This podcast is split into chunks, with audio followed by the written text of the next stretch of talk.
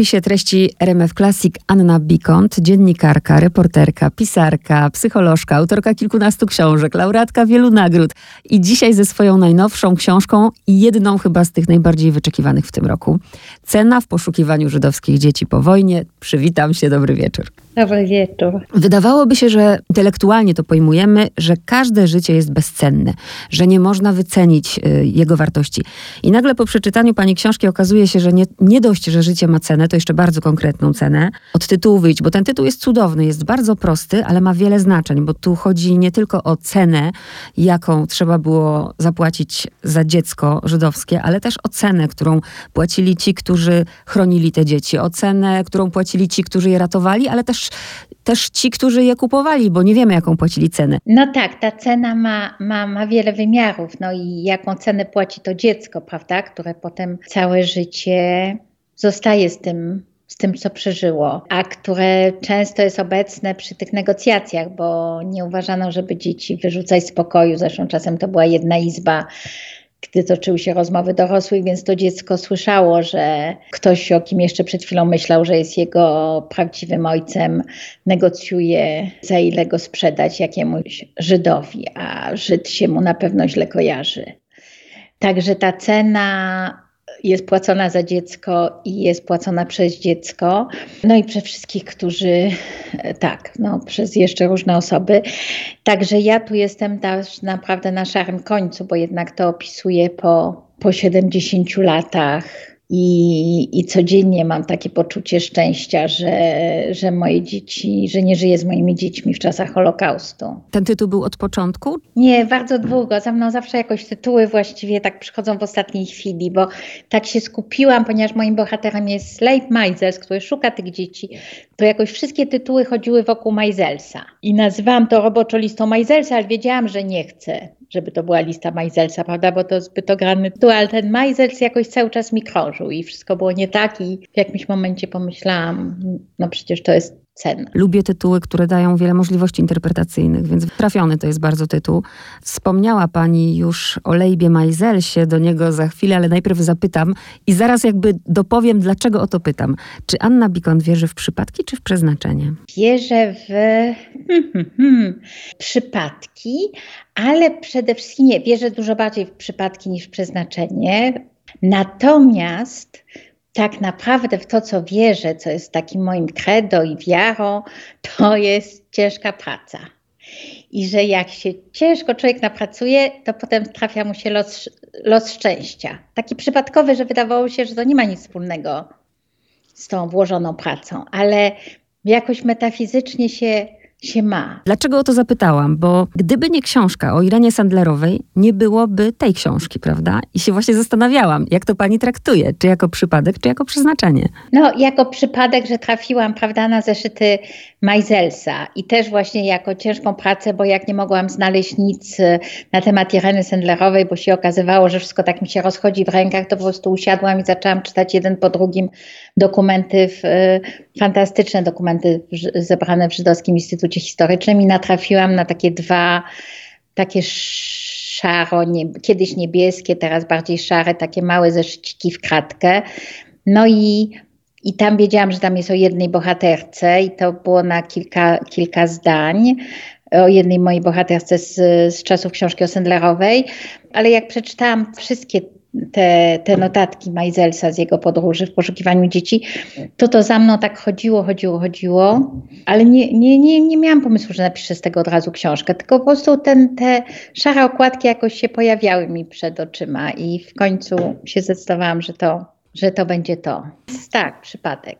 Ja się uśmiecham, jak pani mówi. Nie myślałam, że z tego będzie książka, bo drodzy słuchacze, to jest radio, więc wy nie widzicie. To jest, to jest bardzo pokaźna książka i bardzo ciężka. Leib Meisels był przedstawicielem Centralnego Komitetu Żydów w Polsce.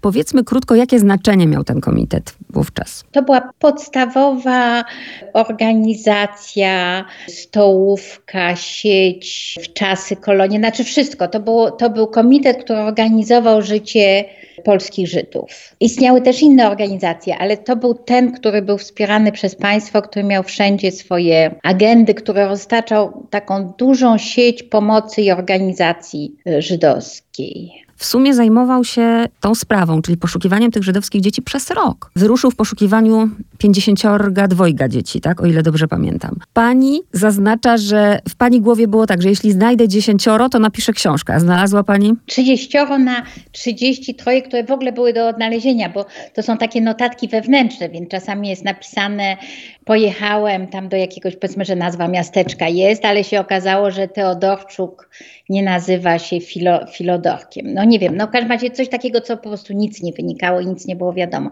Ale z tych, co można było iść tym śladem, co był ten trop, to było 33 troje dzieci. No i rzeczywiście udało mi się odnaleźć 30. I tak czasami tylko troszkę odnaleźć, że potem mi gdzieś znikają. O tych drogach odnajdywania też jeszcze powiemy. Ja tutaj słuchaczom dopowiadam. Chodzi oczywiście o te dzieci, które przeżyły zagładę i pozostały pod opieką Polaków. Najpierw chcę zadać pani pytanie, pani jako, bo wiem, że też pani skończyła psychologię, jest pani psychoterapeutką, więc czy jeśli dziecko ma 4 latka, bo jeśli ma 17, 16, to, czy nawet 10, 11, to ono pamięta, ale załóżmy jak ma 4 latka i ono nic nie pamięta. Ja na przykład nic nie pamiętam ze swojego dzieciństwa poniżej 5 roku życia, tak jakby to była czarna jakaś plama. To czy w takim razie nie zastanawiała się pani nad tym, czy mówić, czy nie mówić? Psychoterapeutką byłam 40 lat temu, a na psychologię udało mi się nie chodzić na psychologię rozwojową, więc nie, nie jestem kompetentna w sprawie czteroletnich dzieci. Ale yy, mówiąc poważnie, nie miałam takiej sytuacji, że miałam przed sobą czteroletnie dziecko, które nie wie, że jest Żydówką i któremu mam powiedzieć, ale miałam taką sytuację, w której wydawało mi się, że ta dziewczynka jest tą uratowaną żydowską dziewczynką i o tym nie wie. Taką jedną sytuację miałam. I to, żeby powiedzieć komuś, że jest Żydem, to tak, to w tym nie widzę nic, co bym uważała, bo ja w ogóle nie jestem w stanie po prostu zrozumieć, że jest coś niewłaściwego w byciu Żydem. Znaczy nie przyjmuję tego do wiadomości i i to nie wydaje mi się taką tajemnicą, którą, którą miałabym strzec. Natomiast powiedzieć dziecku, które nie wie, że było adoptowane, że jest adoptowane, to uważam za, za tak, że to, że, że to jest problemem. I, tak naprawdę, bo to była taka sytuacja, w której nie miałam, która była właśnie przypadkiem i nie miałam czasu się zastanowić, ale jakbym się zastanowiła, to nie wiem, co bym, co bym zrobiła, ale chyba bym to jednak powiedziała z szacunku do tych zamordowanych rodziców. To znaczy, że mi się wydaje, że ci rodzice by oczekiwali, żeby to dziecko, które ocalili często za cenę tego, że jakby oddawali wszystkie swoje pieniądze, wszystkie swoje szanse, jakiekolwiek na uratowanie, żeby tylko to dziecko przechować, żeby, żeby to dziecko je przechowywało potem w pamięci. To jest, to jest właśnie pytanie, które ja sobie cały czas zadawałam, czytając tę książkę, bo no wiadomo, różni są ludzie. Jedna z bohaterek zresztą pani książki, w momencie, w którym się dowiedziała, yy, zaczęła się u niej depresja. Tak, ale to tu nie mamy takiej sytuacji, że to dziecko nie wie i nagle się dowiaduje. To jest to, że to dziecko cały czas podejrzewa i że najgorsze podejrzenia się sprawdzają, ponieważ co jest jednak wstrząsające, jest coś takiego, że nie udaje się w moich historiach praktycznie żadnemu dziecku żydowskiemu poza jednym, które umarło jak miało 4 lata i jednym dzieckiem zmieszanego małżeństwa, to wszystkie te dzieci się dowiadują, ponieważ otoczenie wie. I to jest coś tak niesamowitego, bo to ktoś się przechował w Wilnie, jest w Jabłonowie Pomorskim, nic nie wie, było za małą dziewczynką, ale ktoś, kto był ojcem chrzestnym, zięcia, szwagra, akurat przyjeżdża do Jabłonowa i całe miasteczko od razu wie, że, że to jest żydowskie dziecko i już ją wytykają na ulicy i już ją koleżanki się nie chcą z nią bawić. I tak samo ta dziewczynka. Ta dziewczynka była wyzywana od Żydówek i cały czas się upewniał mamę, że to nie jest prawda, że ona, że jestem córką mamusi i tak dalej. I to jest tylko po prostu potwierdzenie tego koszmaru, w którym ona żyła przez tyle lat. Jak dziecko potrafi drugiemu dziecku zrobić piekło. Jedna wstrząsająca scena też w tej książce jest, kiedy oczywiście dziewczynka idzie do kościoła i ta druga uśmiecha się do niej i ona już ten uśmiech rozumie i następnego dnia ją zgarniają. No dzieci były wyjątkowo złe, bo dzieci w ogóle, dzieci w ogóle są złe, prawda? To znaczy tak naprawdę, jak widzimy, dzieci są okrutne i tak dalej. I po to istnieją dorośli, żeby ich uczyli normi, żeby mówili to jest źle, a to jest dobrze, a to nagradzali jak się właśnie nie trzaśnie braciszka, tylko przeciwnie odda mu się zabawkę, prawda? To jest strasznie dużo wychowywania. I w sprawie to, co jest wstrząsające, bo to nie mówi przecież wiele o dzieciach, bo to wiemy, wiemy jakie są dzieci, tylko to mówi o społeczeństwie. Jak to jest możliwe, że tych dzieci nie wychowywano tak, żeby one wiedziały, że Żyd też jest człowiekiem? To prawda. Co robili harcerze? To znaczy, co robiło to starsze harcerstwo, jeżeli młodzi chłopcy należący do harcerstwa wyciągają Żydów z pociągów po wojnie, a w Rabce strzelają do domu dziecka, gdzie są dzieci. I też kontekst w ogóle się zmienił, bo jak się umawiałyśmy na rozmowę, jeszcze nie było tej sytuacji, którą mamy.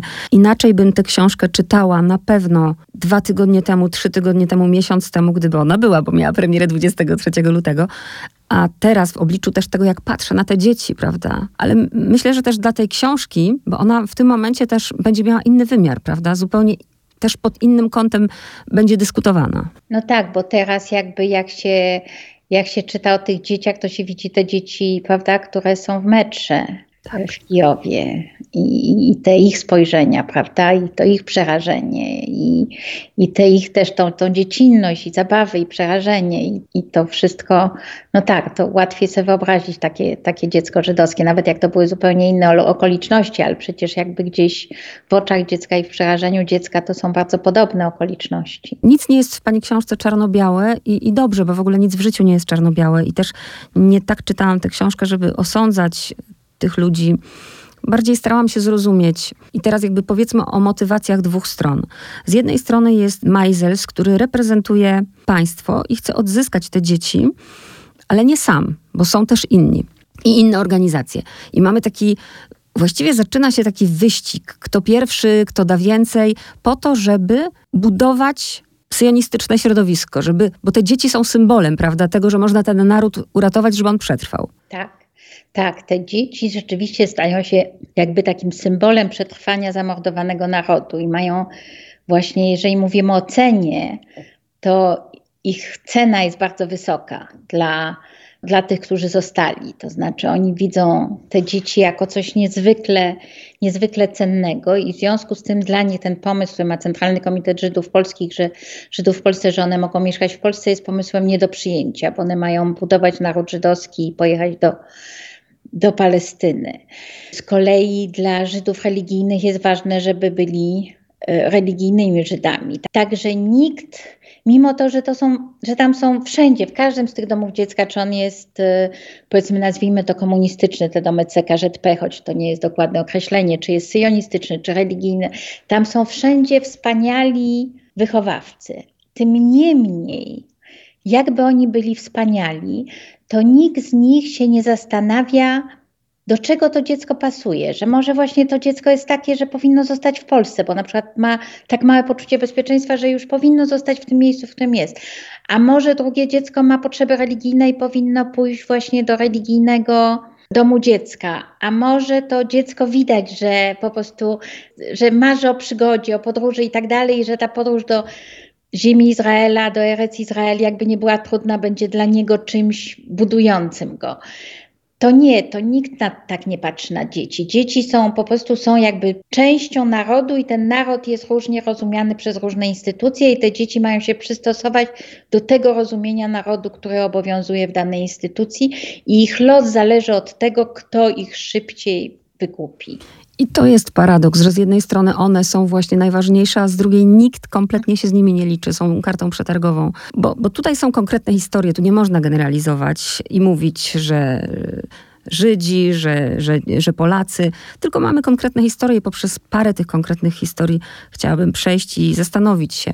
Myślę na przykład o Jopowiczach i myślę o Łajci Herszman. Kiedy oni ją wzięli, tak mówią, że oni nie wiedzieli, że to jest żydowskie dziecko. Więc oni to dziecko pokochali. Dla mnie na przykład bardzo trudne było to, że kiedy Majzels do nich przychodzi i mówi jak jest, to no nie wiem, ile, ile im tam było trzeba. Nocy czy podróży, yy, bo rzeczywiście pojechał Jopowicz z nim do Warszawy. Żeby tak szybko podać yy, cenę i to jeszcze w trzech wariantach, to mi się nie mieści w głowie. To prawda, żeby to wycenić. To znaczy, jak można, tak, jak można miłość, prawda? Bo oni, prze, bo można powiedzieć, że tu jest przelicznik nie tylko za dziecko, ale oni też swoją miłość, prawda? Która zostanie niezaspokojona, prawda? Oni są parą już dość wiekową, która nie ma dziecka, przed wojną im się nie udało dostać, było trudniej dostać dziecko, po wojnie im się udaje. Czyli to jest też jakby to jest to, ile, ile ta ich miłość była warta też, prawda? Poza tym, że to jest cena dziecka. I teraz, i opowieść rzeczywiście już ma rano, jak jedzie w nocy pociągiem, to rano już ma trzy warianty cenowe. Ale nic nie wiemy, co pani Jopowiczowa na to. To znaczy, wydaje mi się, że często w tych małżeństwach jest różny stosunek do dzieci. Mi się wydaje po listach, które czy, czytałam pani Jopowiczowej, która pisała już w latach 60., 70. do tej swojej straconej no że ona by jej nie sprzedała za te pieniądze, tylko że to nie były czasy, kiedy mąż specjalnie pytał żony, co, co ma robić. A czasami jest tak, że te kobiety by oddały dziecko, że nie mają właściwie, szczególnie jak to jest dziewczynka, jakoś nie mają do niego przywiązana, a ci ojcowie są niesamowicie przywiązani do tych małych, do swoich małych, słodkich córeczek i nie są gotowi ich oddać. Więc tam jeszcze, no ja to piszę po latach, prawda, kiedy już nie żyją, nie żyją w każdym razie już to pokolenie, które było tymi rodzicami adopcyjnymi, ciotkami i tak dalej. Ale jakbym pisała powieść, no to poza tym, że fascynujące byłoby opisać właśnie taką noc w pociągu Jopowicza i co on sobie wszystko, jak, jak przebiega cały ten proces jego myślenia, tak. ale też co się dzieje w tych rodzinach, gdzie na przykład właśnie ojciec chce sprzedać dziecko, a, a matka, adopcyjna matka chce je zostawić. Co się potem dzieje w tych rodzinach, potem jak nie ma już tego dziecka. Także tego już, już nie, znaczy po prostu nie wiemy tego, a ja się jak trzymam faktów, także mm -hmm. nie, nie spekuluję, co, co, co ten, ale dużo o tym myślę. No ja też i właśnie cały czas myślę, co nim kierowało, ale staram się też, tak jak mówię, no naprawdę daleka jestem od tego, żeby go osądzać i oceniać. E, też zrobiła na mnie wrażenie w ogóle ta historia Łajci Herszman, bo pani znajduje tych ludzi, niektórzy oczywiście chcieli rozmawiać, Łajcia Herszman chciała i ona tak jak pani tam na końcu opisuje, że, że, że ona jakby traktuje tę historię, tak jakby to nie była jej historia. Tak, tak, że ona zgromadziła różne materiały, ma dużo zdjęć, pisze bardzo dobre, mi się wydaje, wiersze. Jeden cały album, album wierszy jest temu poświęcony, ale jakby to opisywała jakąś dziewczynkę, którą kiedyś była. Widocznie wydaje mi się, że poza tym, że to może być taki zabieg, prawda, żeby się rozdzielić od tej dziewczynki, bo tego się nie da inaczej wytrzymać, ale może być rzeczywiście tak, że ona jest już tak tak inną osobą, tak w innym świecie, bo, bo ja widziałam, ona, ona wyjechała, to ona nie była już taka mała, no nie wiem ile ona mogła mieć, 7, 8 lat. Ona nie, nie, nie rozumie, jak się mówi po polsku, bo czasami widzę, że ktoś na przykład mówi, że nie rozumie, ale potem widzę, że on chwyta. Mm. Ja byłam tam z moją przyjaciółką Leą Balint, z którą mówiłam czasami coś po polsku. I ona po prostu za, zapomniała, to znaczy ona się rzeczywiście odcięła odcięła od tamtych doświadczeń. Wielu bohaterów się zresztą odcięło, wielu nawet nigdy nie chciało wrócić do Polski. Też przypominam sobie, jak koleżanka jednej z bohaterek po powrocie do Polski wraca i popełnia samobójstwo. To, to, to też jest wstrząsające. Jeśli chodzi o Proszę mi, mnie poprawić, jeśli się mylę, ale szukałam takiej historii, bo wiem, że się pani trzyma faktów, yy, ale chyba nie ma wśród tych osób żadnej, gdzie rodzice by powiedzieli ci, oczywiście, którzy adoptowali te dzieci, nie ma mowy. Jest surcia, to znaczy... A. Surcia, której tata mówi, że ją sprzeda za 3 miliony dolarów, czy coś takiego. Ale to jest jasne, że on mówi, po prostu on wie, że się wycenia żydowskie dobra i, żydos, i, i ludzi. W związku z tym jakby rozmawia w języku pieniędzy, ale mhm. to oznacza tak naprawdę, że on nie sprzeda surci za żadne pieniądze. Także jest on. Są takie osoby, w których, bo, bo jednak to nie było tak, że te organizacje żydowskie, one chciały wziąć dzieci, ale do, do jakiegoś momentu, to znaczy jak te organizacje żydowskie widzą, jako Polonia Chmielewska z Miska Mazowieckiego zajmuje się dziećmi, to nikt jej nie proponuje pieniędzy na wykupienie dzieci, tylko pieniądze, żeby jej pomagać, je wychowywać, więc są też takie takie, że oni widzą, że te dzieci są tak związane z tą przybraną mamą, że w ogóle nie, to jednak to nie jest przedmiotem, przedmiotem dyskusji. No jeszcze jest, są ci ci ludzie, którzy się zaczynają, nie, są, są ci ludzie, którzy się zaczynają ze Staszowa, którzy się zaczynają ukrywać, żeby, żeby nie oddać dziewczynki, która potem, potem umiera. Także te reakcje były, były różne. No, to też jest taka grupka dość szczególna, bo to jest grupa to jest 47 rok, to jest dwa lata po wojnie, czyli był długi czas na oddanie tych dzieci. I w związku z tym to są osoby z takich dość dwóch skrajnych grup. Jednej, która nawet za 3 miliony mhm.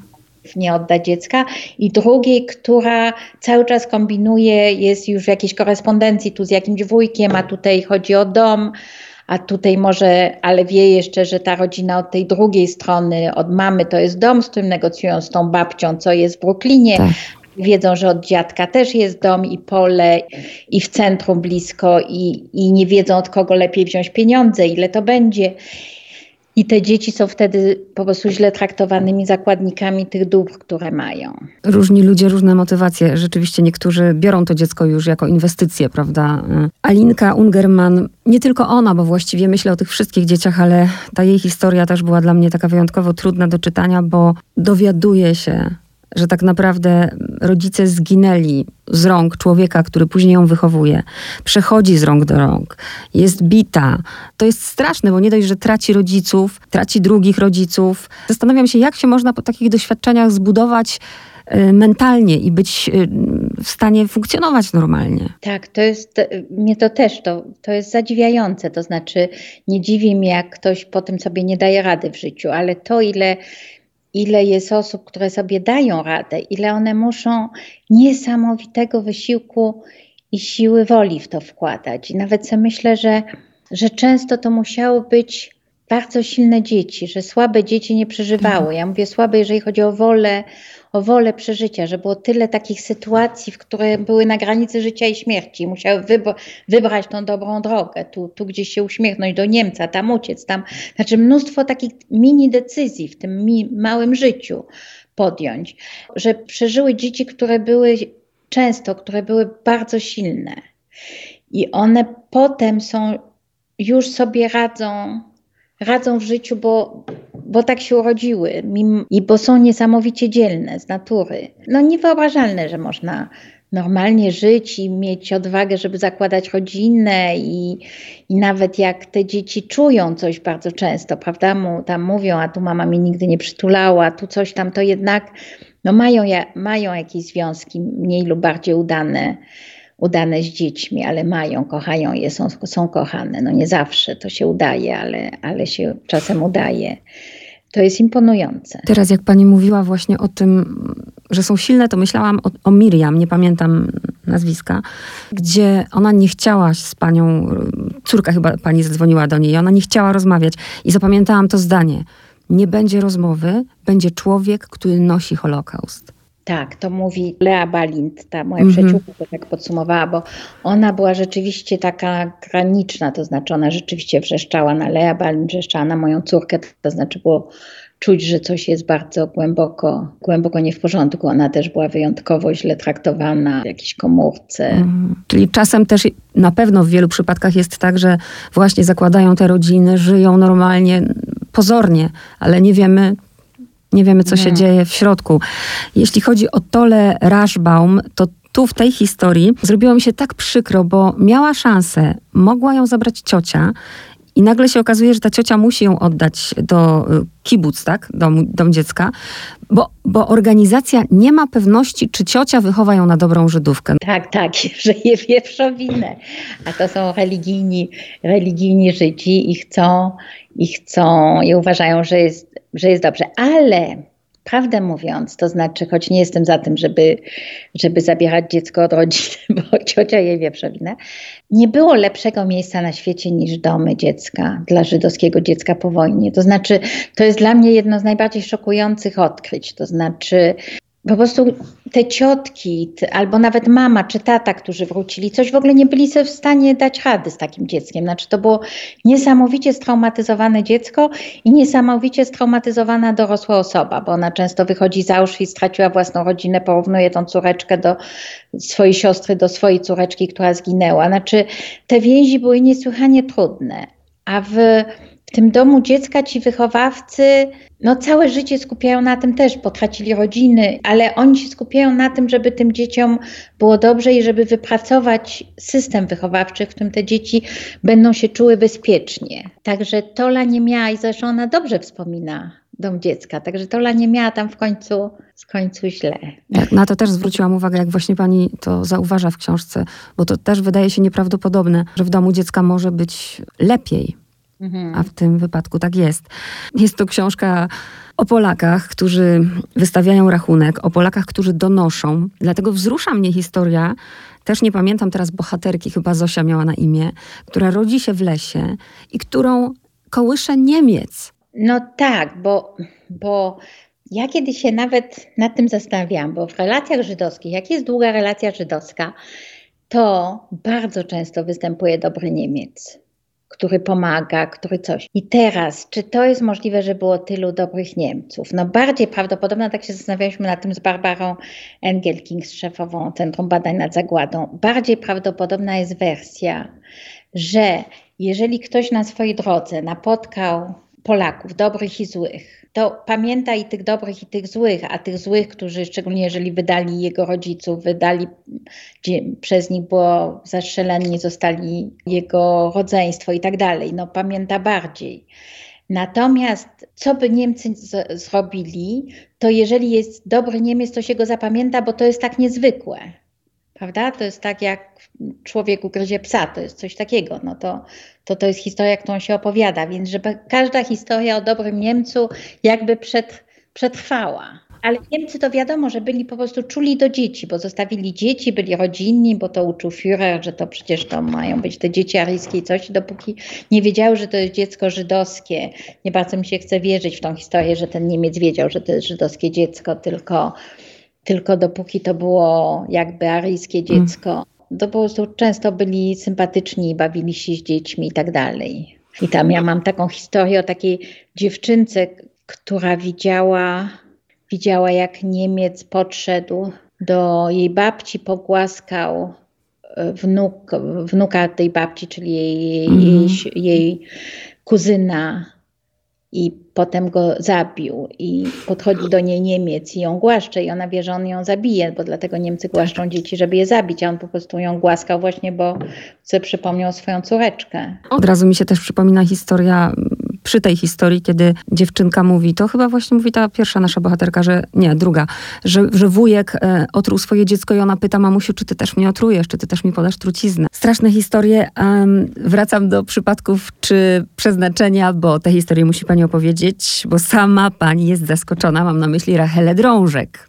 No, no i co? Tak. Czy to jest przypadek, czy przeznaczenie? To rzeczywiście, to była osoba, której szukałam naprawdę tak intensywnie, ponieważ szukając wszelkich śladów osób, które były świadkami zbrodni w Jedwabnym, kiedy pisałam o tym książkę, natrafiłam w książce napisanej przez siostrę Piesiewiczównę, która była przełożona w klasztorze w Łomży, że, że oni mają siostrzyczkę, która właśnie była w ogólnym pogromie Żydów, a teraz przyjechała po nią Żydówka, ciotka kusicielka, nasza dzielna, y, dzielna dziewczynka powiedziała nie. No i szukałam jej, prosiłam jej różnych księży i coś i nie udało mi się jej znaleźć. I czytam u Majzelsa, że on szuka jakiejś dziewczynki i ta dziewczynka się nazywa Rachela Drążek i że on jedzie do, do klasztoru w Łomży, gdzie ona wie, gdzie ona jest. I że tam jacyś ludzie to jemu na, to nazwisko nic nie mówi, którzy powiedzieli o niej. Wszystko o tych ludziach wiem, bo to są moi bohaterowie z Jedwabnego i rozumiem, że to jest ta dziewczynka, którą poszukiwałam i że absolutnie muszę ją teraz odnaleźć i rzeczywiście wydzwaniam po różnych znajomych i się upieram patrzę w moim kalendarzu, już nie mam nikogo. Jeszcze wtedy miałam znajomych księży, już teraz jakoś oni wszyscy już przestali być księżmi albo nie żyją, więc, ale i tak mi się udaje w końcu, w końcu się dowiedzieć, jak ona się nazywa i dostać jej telefon. I okazuje się, że ona mieszka na Wzgórzu Oliwnym w Izraelu, że przechodziłam nie wiem ile razy pod drzwiami jej klasztoru i no i że, i że mogę przyjechać. No i wsiadłam w jakiś pierwszy samolot i przyjechałam. Nie zdążyłam z nią rozmawiać, bo ona zmarła kilka miesięcy później. Są wstrząsające rzeczy. Henia Rubin. To jest też niewyobrażalne, że kiedy ci ludzie zostają w tym kraju, układają sobie życie, cały czas to idzie za nimi, ta żydowskość. Ja, ja nie mogę po prostu wyobrazić sobie, że szef zadaje i w ogóle śmie zadać jej takie pytanie, prawda? Czy jako Żydówka ma pochwę w poprzek? No. Tak, tak, to idzie, to po prostu to jest taki jakby taki ślad, który, który idzie za kimś, że nie można się tego, się tego pozbyć, że się zmienia, idzie się, bo ona przecież, ona się wychowała w Markach, a pracuje w Warszawie, ale to to nie ma, to po prostu się zawsze ciągnie, zawsze ktoś wie i zawsze ktoś coś powie. E, niebywałe jest też to, jak pani trafia do swoich bohaterów. Na przykład ta jedna scena, no wysiada pani, nie pamiętam teraz gdzie to było, pyta o dziewczynkę Etle i nagle się okazuje, że to jest ta Etla. No to też nie może być przypadek. No tak, to znaczy nie, to byłam na zebraniu dorocznym Stowarzyszenia, Stowarzyszenia Dzieci Holokaustu, także to to uprawdopodobnia prawda, sytuację. To nie jest tak, że wchodzę do jakiejś sali i się pytam. Natomiast, natomiast że się pytam o kogoś z Jabłonowa Pomorskiego i ta kobieta przychodzi, dwie kobiety przychodzą i ta druga mówi to ta, bo ona się urodziła w Jabłonowie Pomorskim. A ja się nie urodziłam, tylko przyjechałam z Wilna. Ja mówię właśnie, chodzi mi o osobę, która przyjechała z Wilna, to pani Setla i ona się tak patrzy na mnie, nie wie, co powiedzieć, bo ona nie, nie zna swojego imienia. Ona nie wie, jakie ona ma, ma imię. I za to pani podziękowała, tak.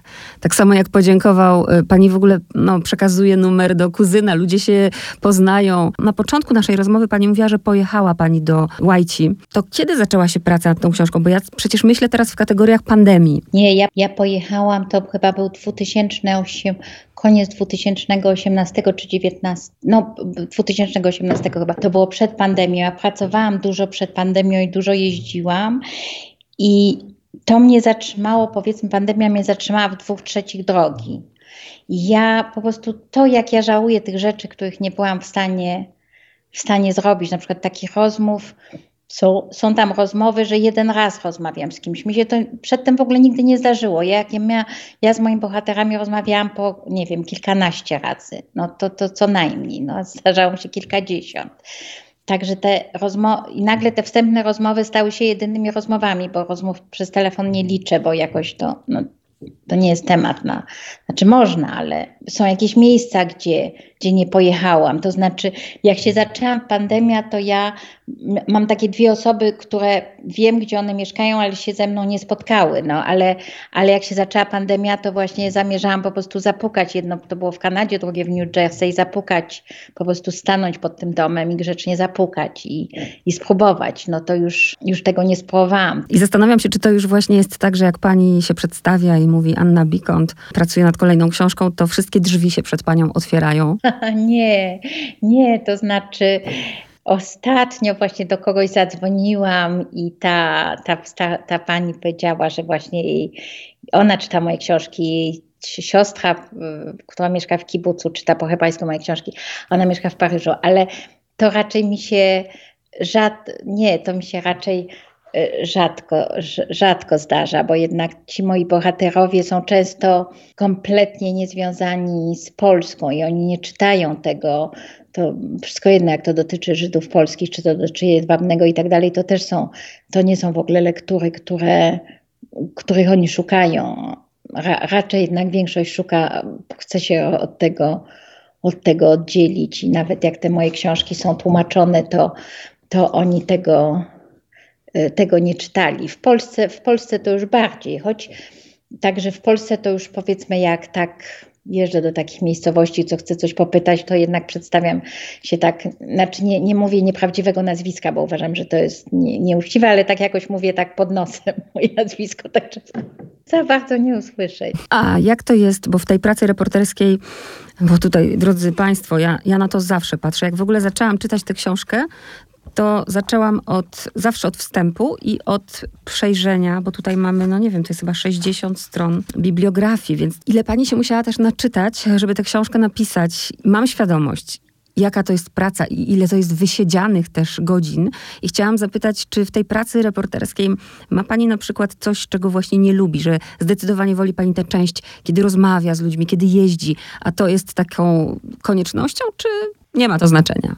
Ja bardzo lubię jeździć i rozmawiać z ludźmi i uwielbiam siedzieć w archiwach. To, czego tak naprawdę nie lubię, to jest pisania. Nie w takim sensie, jak pis prawdziwi pisarze nie lubią, bo są męki twórcze i tak dalej. Po prostu jak już mnie zawsze, ja mam straszną trudność, żeby się zabrać do tej końcowej fazy pisania, bo mnie rwie, żeby jeszcze w jednym archiwum na pewno coś jest. A jeszcze mogłam pojechać na jedną rozmowę, bo przecież w tej rozmowie jednak były jakieś rzeczy nieprzerozmawiane, które czułam, że są nieprzerozmawiane.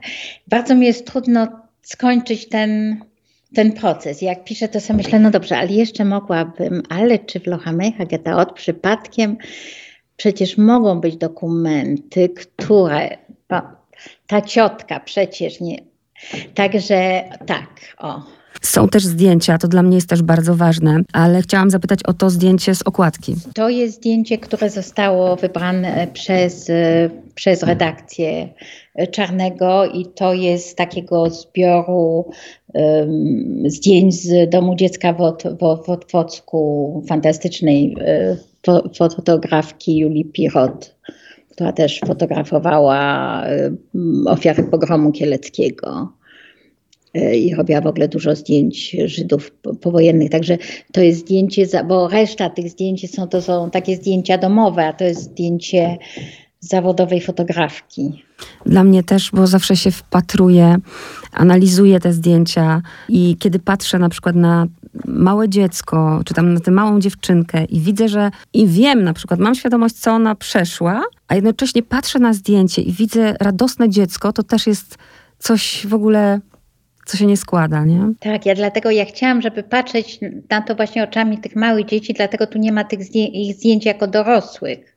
Choć to były zdjęcia, które były najłatwiej zdobyć, ale jak po prostu nie ma zdjęcia, kiedy to dziecko było małe, to raczej w ogóle nie ma zdjęcia. Czasami jest jeszcze powiedzmy jako dwudziestolatek, jeżeli jest jeszcze w Polsce, ale już nie chciałam dawać tych późniejszych zdjęć, bo, bo chciałam, żebyśmy właśnie zawsze myśleli o nie o tej starszej pani, która wspomina, tylko o tym dziecku.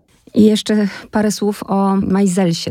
Kiedy pani odkryła w ogóle te zeszyty i, i, i tę postać, to czy coś panią w nim zaskakuje?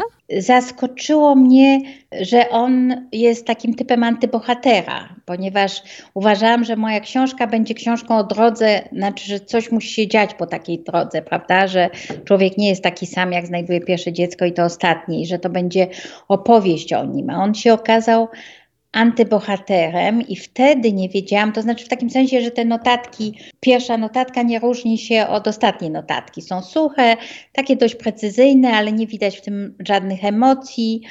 E, on też nigdzie potem nie opisuje, co dalej się stało z tymi dziećmi.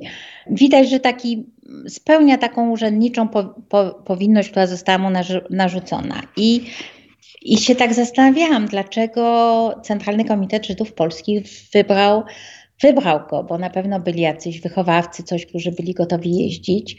I to była dla mnie ta tajemnica, którą odkryłam dopiero jak dostałam jego, jego dokumenty paszportowe, co jakoś bardzo długo za, zabrało, bo dostałam jakieś najpierw dokumenty innego, innego Majzelsa, który wyjechał do Australii jakoś przez jakąś chwilę myślałam, że to jest on, bo tak jakoś mu chciałam zapewnić to dobre życie w Australii, ale to nie było. W końcu dostałam jego właściwe papiery i zobaczyłam, jak Majzels wyglądał, że miał niebieskie oczy, blond włosy, wygląd typowego urzędnika.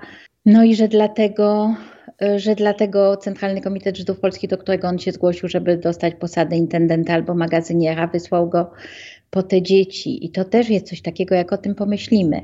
Co to znaczy, że dwa lata po wojnie Żyd musi mieć dobry wygląd, żeby mógł jeździć po Polsce? Przecież to jest niesamowite. Przecież dobry wygląd to jest z czasów okupacji hitlerowskiej i to po prostu funkcjonuje. On ma dobry wygląd, więc jest bezpieczny. Nie wiem, ja mam takie wrażenie, jak na niego patrzę, że to jest bardzo dobry człowiek. Że to po prostu aż tak bije z tego zdjęcia.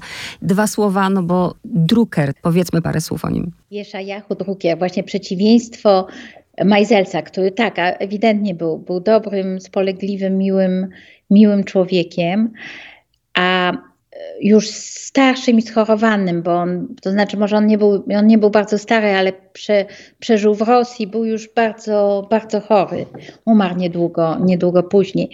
Natomiast e, Jeszajahu Drukier był młodym, młodym człowiekiem, takim trzydziestolatkiem, który e, uwielbiał dzieci i jego misją było, żeby te dzieci żeby te dzieci właśnie sprowadzić do religijnego, do domu dziecka, ewentualnie do syjonistycznego i do takiego religijnego też syjonistycznego, tak żeby je wywieźć do pa Palestyny. I on był taką jednoosobową instytucją, to znaczy on wszystko robił. On, on jeździł do tych dzieci, on, on targował cenę, on przywoził te dzieci, on się zajmował, potem jeździł do tych dzieci do domu dziecka, on z nimi chodził do kościoła, jak już musiały, choć zgrzytał zębami, ale to był pomysł wszystkich tych domów dziecka, żeby jeżeli chodzi o wiarę, to nie gwałtować dzieci, tylko dawać im powoli dojrzeć do tego i zostawić im jakiś czas, żeby mogli być katolikami jeszcze. I i on potem urządzał spotkania tych dzieci w Izraelu, znaczy cały czas z nimi miał, miał z nimi kontakty, robił wszystkim zdjęcia, także istnieją zdjęcia tych dzieci, które, które on wyratował. I on sam, on sam znalazł ze 100 dzieci. Tak.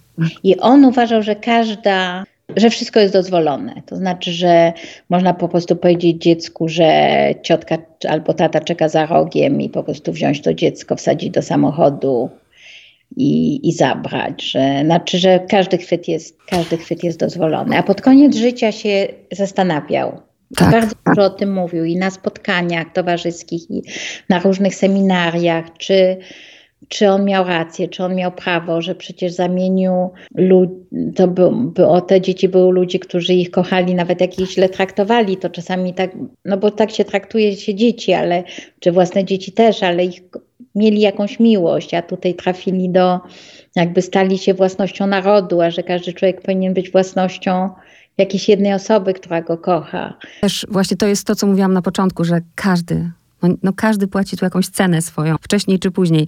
Drugi bardzo dobry człowiek w tej książce, y, Szczubiał, tak? Nie wiem, czy dobrze pamiętam. Ja, to genialna, to fantastyczna postać. Tak, kilka mam takich postaci. No oni w ogóle jako małżeństwo, tam pani opisuje. Można się zakochać, rzeczywiście. On po prostu tworzył, on tworzył taką prywatną siatkę taką różnych szwagrów do zajmowanie się Żydami. Poza tym, że przechowywał na stałe jednego chłopczyka żydowskiego, to oni obsługiwali Żydów, którzy byli w lesie. On nawet się przeszkolił jako sanitariusz, żeby, żeby jak były mniejsze, no bo to niestety ta wojna jest polsko-polska, ci, którzy ich mordują w tych lasach, to są polscy partyzanci. I że jak dostawał jakąś kulę pomniejszą, to on chodził do tego lasu i on, i on e, już umiał się z tym poradzić. A jak było ten, to w tej ich siatce był też lekarz i się wtedy woziło do tego lekarza tych Żydów, żeby ich uratować. Znaczy to naprawdę była pokaźna siatka pomocy. I to, jak on o tym opowiada, to jest zachwycające, bo on na przykład opowiada, jak oni piekli chleb i że sprzedawali tanio. A w takiej opowieści w ogóle o Polsce czasu wojny, to zawsze jest tak, że się coś dawało Żydom, że się dawało im chleb, a myśmy dawali to. Nikt nie dawał, ponieważ ludzie byli za biedni, no nie byli w stanie dawać. Chodziło o to, żeby żeby ta cena była po prostu tak przystęp, przystępna. Mm -hmm. a jak, że jak ktoś przyjdzie głodny, to akurat mu dać, ale normalnie, żeby sprzedać nie za, nie za diament. I tylko taka osoba, która naprawdę musiała sprzedawać to tanio, jest, jest w stanie o tym mówić. Albo on to nigdy w życiu czegoś takiego nie słyszałam. On, to ta żona jego opowiada, że jak Niemcy, bo czasami było większe zagrożenie, że wiadomo było, że Niemcy są i tak dalej, i to dziecko musiało się ukryć w jakimś stogu siada i tak dalej. I wtedy Szczubiał przed z nim i z nim się razem tak, ukrył. Tak, I, i też ta historia tego Majorka, który właśnie, że nikt nie doniósł, bo ludzie wiedzieli, że on nic nie ma, jest biedny, no to tak, to nie musieli go zabijać. Tak, tak. zawsze jak czytam, to przeżywam tę historię, myślę o tych ludziach. Tak samo dzięki tej książce, tak naprawdę, jak patrzę teraz y, w telewizor i widzę właśnie tych y, Ukraińców, to myślę sobie, że to jest konkretny człowiek, który ma konkretne imię, konkretne nazwisko, kimś w tej Ukrainie był, szedł do jakiejś pracy. I tak samo pani napisała o konkretnych ludziach. Ja nie wiem, naprawdę nie wiem, czy ja zapamiętam ich imiona i nazwiska.